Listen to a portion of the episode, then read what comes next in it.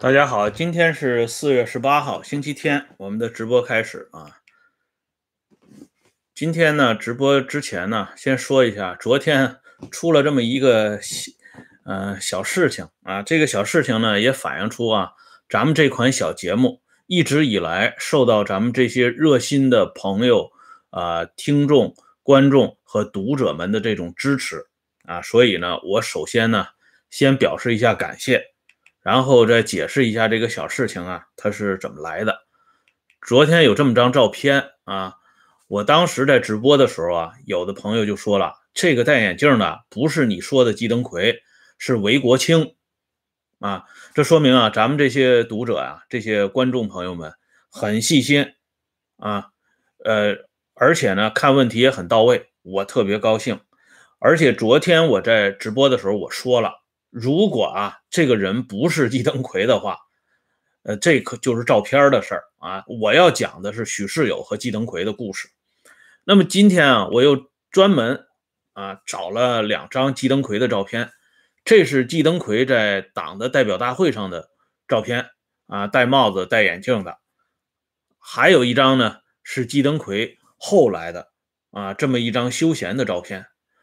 这样两张照片呢，对比一下刚才的那个戴眼镜的人呢，大家会发现啊，两个人略微有那么一点像，但是毕竟不是一个人啊，所以这个话题呢，呃，咱们就先说到这里。季登奎穿军装啊，有的朋友说季登奎不穿军装，季登奎穿军装啊，在整顿北京军区的时候，他和李德生、谢富治他们到北京军区讲话的时候，是专门有一张照片。季登奎在主席台上就是穿的军装的，可惜呢，这张照片我没有找到。如果将来找到的话，给大家展示一下，他穿军装也是蛮神气的啊。那么今天呢，我们说的是昨天未尽的话题啊，本来应该填上昨天那坑。第三个给林彪写效忠信的这员大将是谁啊？有的朋友啊，或许啊能够猜出来。但是今天呢，我们先放这个话题一马，我们还是回到毛家湾查抄林彪这个住住宅引发的一系列的事件，对毛泽东所构成的这个影响说起。这个毛家湾呢，大家看一下，现在的这个牌子上边都写前毛家湾甲一号。这毛家湾啊，自从这高岗和林彪这两个重量级人物出事之后啊。这毛家湾就成了凶宅了啊！这老百姓话讲，这地方特别的不吉利。早年呢，在老北京的时候，在清朝的时候，北京就有四大凶宅一说，其中有一处凶宅呢，就是吴三桂的儿子吴应熊住过的地方。后来啊，因为这个地方太凶了，所以就辟为公开藏啊公开场所啊。这个毛家湾后来也是辟为公开场所，比如说。啊，中央文献研究室啊，文献出版社就都在毛家湾附近，啊，因为辟为公开场所，据说这个气场呢比以前就强大了很多，不至于在危害具体的哪一个人或者某一家人。这种说法呢，当然没有科学依据支持啊，聊备一格，大家就当这个饭后闲聊了。那么接下来这个话题就不是闲聊了，这是进入正题了。因为昨天呢，咱们说查抄毛家湾呢，发现这韩先楚的效忠信这件事情啊，让领袖特别的震惊。哎，因为啊，在整个发动文化大革命过程当中啊，在发动之前，领袖给江青就写过这么一封信。这封信呢，我之前跟大家说过。这封信，有的历史的研究者呢，认定这封信不一定是写在一九六六年七月份，有可能是写在林彪事件之后啊，补充的说明。但不管是写在之前还是写在之后，它都是写在文化大革命当中。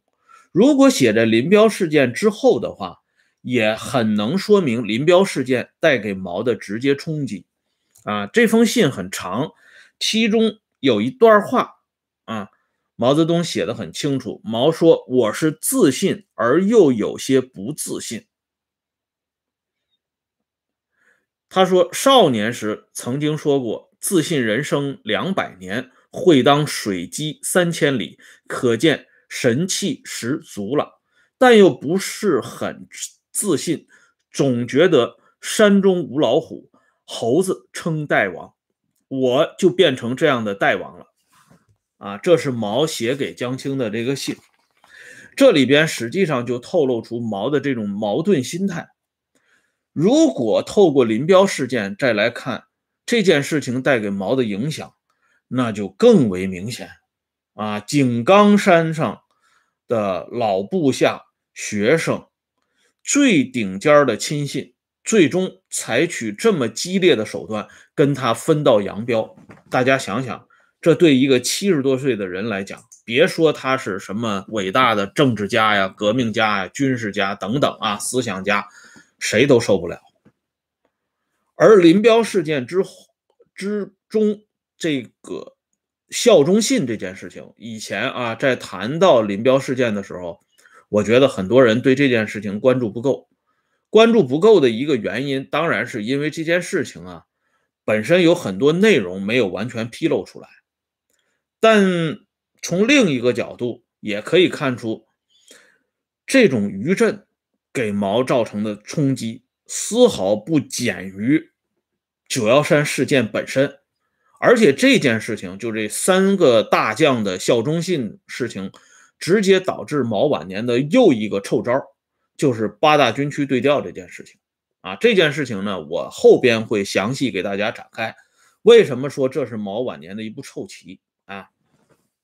咱们先说这韩先楚这封信发现之后，他又发现一封效忠信了。这封效忠信就是来自于当时的济南军区司令员。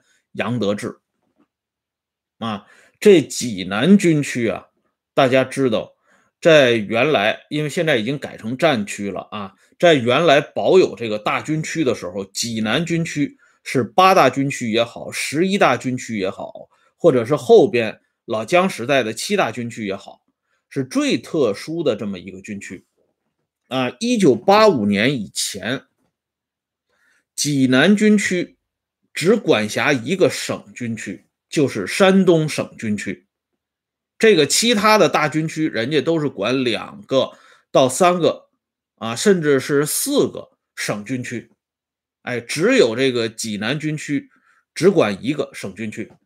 八五年之后呢，另外一个大军区被撤销，这样呢，河南省军区划入到济南军区的建制当中，这样呢，济南军区才摆脱它这种特殊的地位。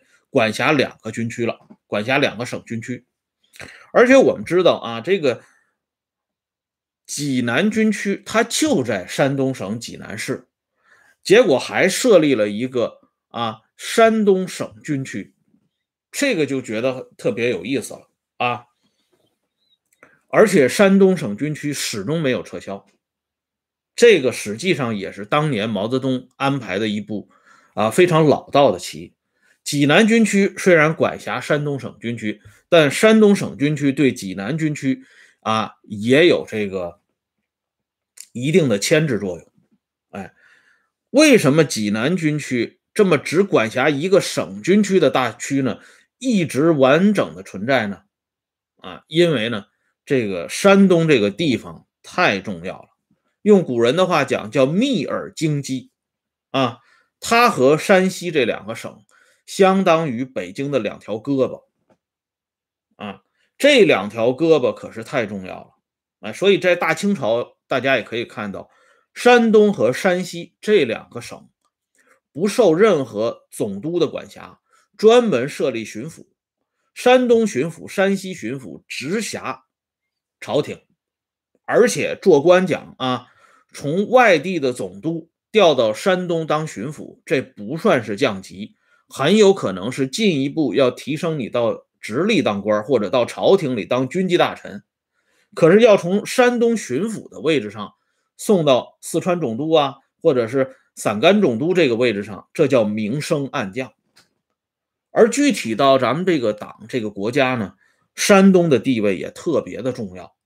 当年没有山东老区的支援啊，没有山东的这些部队开到东北。就不会有后来的辽沈战役、平津战役，啊，所以这山东呢支持了太半的天下，这济南军区设立全部意义就在这里，而这个济南军区的司令员一开始呢，我们知道是这个许世友，当时叫华东山东军区，到了五四年改称济南军区。济南军区的首任司令员就是咱们这位杨得志，杨司令，一干就是将近二十年啊！哎，这是济南军区历史上任职时间最久的这么一个司令员。那么毛泽东啊，了解到韩先楚写效忠信这件事情，特别是了解到杨得志。啊，也跟风写了效忠信，他为什么感到巨大的吃惊呢？这个就要从杨得志跟毛泽东以及周恩来之间的一份特殊的历史渊源说起。这说起杨得志啊，大家一下子啊就能够想到这个“三杨开泰”这句老话啊，解放军战将当中上将军这一档次的啊，有三位姓杨的。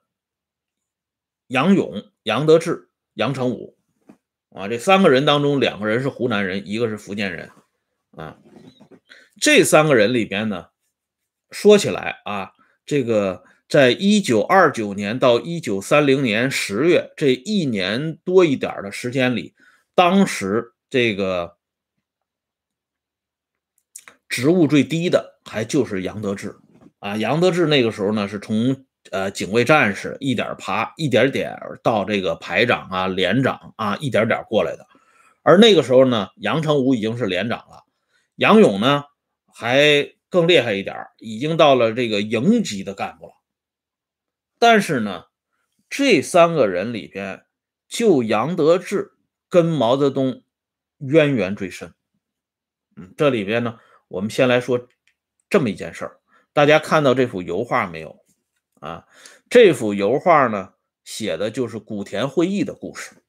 而这个古田会议啊，大家看一下今天的很多这个老照片呢、老影像都能看到，古田会议旧址的地方呢，有一排大字叫“古田会议永放光芒”。这古田会议的旧址呢，是在一九六一年就被确立为全国啊第一批重点文物保护单位。而一九六一年，大家都知道啊。正是这个开始啊，从部队开始逐渐提出一种复古，就是林彪、罗瑞卿他们提出的复古。什么叫复古？就是恢复古田会议的那个精神。我们都知道啊，在党的历史上有很多很多重要的会议，什么党的第一次全国代表大会啊，啊八七会议啊，啊还有这个呃七大呀，啊九大呀，包括三中全会啊等等。但是这些会议里边呢，也有一个轻重缓急。这个呃，有的朋友补充的很好，还有遵义会议啊，这些会议的轻重缓急是围着伟大领袖转的啊。凡是伟大领袖参加的，或者是他作为主导的，或者是对他有巨大影响，或者是他影响了巨大成就的这些会议。都是被列列为顶尖级会议，比如说党的一大啊，因为有领袖参加，所以即便是在那条船上开，那也是光芒四射啊，四射呀啊啊！比如说遵义会议，那就不用说了，其中这个古田会议被毛看的是最重要啊，它的重要性甚至超过了啊之前相当一部分重要的会议。哎，所以这个毛对这个古田会议最看重，可以说是敝帚自珍。在毛晚年有一次，他跟杨成武在聊天的时候，啊，那时候杨成武的权力呢也是越来越大，两个人之间聊天，毛泽东就问杨成武：“你参加了没有？呃，你参加没参加古田会议啊？”这就是一种自然的流露。啊，老大呢就把古田会议看成是一个衡量亲信的标杆参加古田会议的人，在老大的心目当中，那是决然不同的。杨成武挺诚实啊，杨成武说：“我没参加古田会议，因为那时候呢，我是个连级干部，不够资格啊，到不了这古田会议现场。”毛泽东点点头，就给他科普了一下古田会议的基本状况。我们以前的节目啊，经常讲到一个很牛的这个上将，这个人啊，没什么特殊的战功。但是这个人在上将军堆儿里头是非常显显眼和这个炫目的。这个人就是原任沈阳军区政治委员上将赖传珠。当年在黄花堂会议上，他对陈毅的攻击啊，我之前的节目里说过了，今天不重复。那么这个赖传珠为什么这么牛？连陈毅这样的老资格啊，也要让这个赖传珠三分啊？除开这个刘亚楼、林彪这样的人敢骂赖传珠。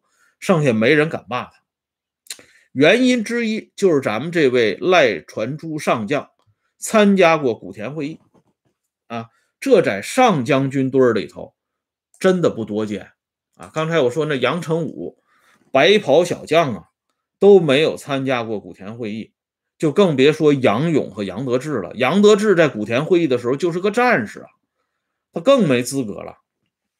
所以咱说赖传珠为啥牛？牛就牛在这里。但是几个上将当中很少具备的啊，他是井冈山的人马，他是参加了朱德、陈毅领导的湘南起义，然后追随朱德、陈毅的大部队，跟毛泽东在井冈山会师。虽然呢不能跟秋收起义的那个旧部相提并论。但他毕竟是井冈山的人，啊，就这点来讲，他在三杨当中完胜啊杨勇和杨成武，啊，杨勇呢是红五军的老底子，大家知道三军团的人，那杨成武呢也是跟着张赤南啊从闽西赤卫队进入到红四军的，哎，跟杨得志这个家生子这个资历完全不能比，这也就是为什么毛泽东。得知杨得志居然写了效忠信，感到非常吃惊的地方之一。那么我们往下看啊，这杨得志啊，跟韩先楚之间的这个关系也是很很有一番啊计较的。就是当初呢，在抗日战争时期，杨得志后来担任过旅长啊。三四四旅旅长，而三四四旅旅长呢，啊，他和黄克诚商量决定，把六八七团团长田守尧也是老四方面军的人留守晋东南，杨得志自己带领一百多人到河南滑县，跟先期到那里的韩先楚，韩先楚当时是团长啊。这些人所率领的六八九团进行会合，也就是说，从抗日战争时期，这杨得志和韩先楚两个人就已经结下了深厚的战斗友谊。这两个人关系很深，因为同是幺幺五师下边的旅团级干部，而且这两个人很聊得开，很聊的这个投缘。这个杨得志在回忆录里边写了一段啊，而杨得志这个团呢。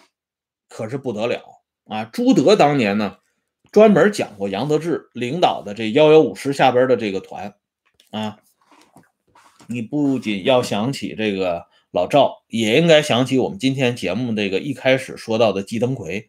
季登奎在华县呢也搞过这个革命运动啊。杨得志这个团下边的三个营，一般人不具备这个条件。我们说一下啊，这一营。是朱德从南昌起义带出来的精干武装，经过两万五千里长征，还留下一点火种。二营呢是跟着伟大领袖秋收起义上井冈山的旧部，啊，三营呢是黄公略领导的老红三军的底子。所以杨得志这个团啊，当初的幺幺五师是非常了不得的。这个团三分之二的啊干部战士都经历过两万五千里长征，啊，可以说是百战之余啊，都是精英啊。所以大家想想，这杨得志这个人为什么会摆到济南军区司令员？一摆就是十九年，这概念就在这里。为期如此，这个人写了效忠信，才让伟大领袖坐不住了。你看看当年的这个照片啊。大家看一下这个照片，就能看到，老大一到山东啊，这杨得志就围在身边当时毛泽东啊，一到这个济南就经常说一句话啊，我又有两个哼哈二将啊来保驾了，一个是杨得志同志，一个是谭启龙同志啊。这张照片里边站在毛泽东旁边的这个人啊，穿着短袖衬衫的，站在杨得志啊就拿着扇子，杨得志旁边的这个人就是谭启龙。一会儿我们就会给大家讲到谭启龙的故事。啊，这段故事非常精彩。这张照片呢是当年大比武的时候啊，大比武呢，呃，济南军区那是大出风头啊。济南军区的这个半自动步枪宿舍之后，罗瑞卿拿着这个步枪交到伟大领袖手中，领袖呢情不自禁也端起枪来开始比划。伟大领袖进到北京之后。啊，唯一一次自己端起枪来瞄准的，就是拿着济南军区的这个半自动步枪，而且呢，咱们这个杨司令呢在旁边啊保护着伟大领袖啊，不敢说是指导，就是保护。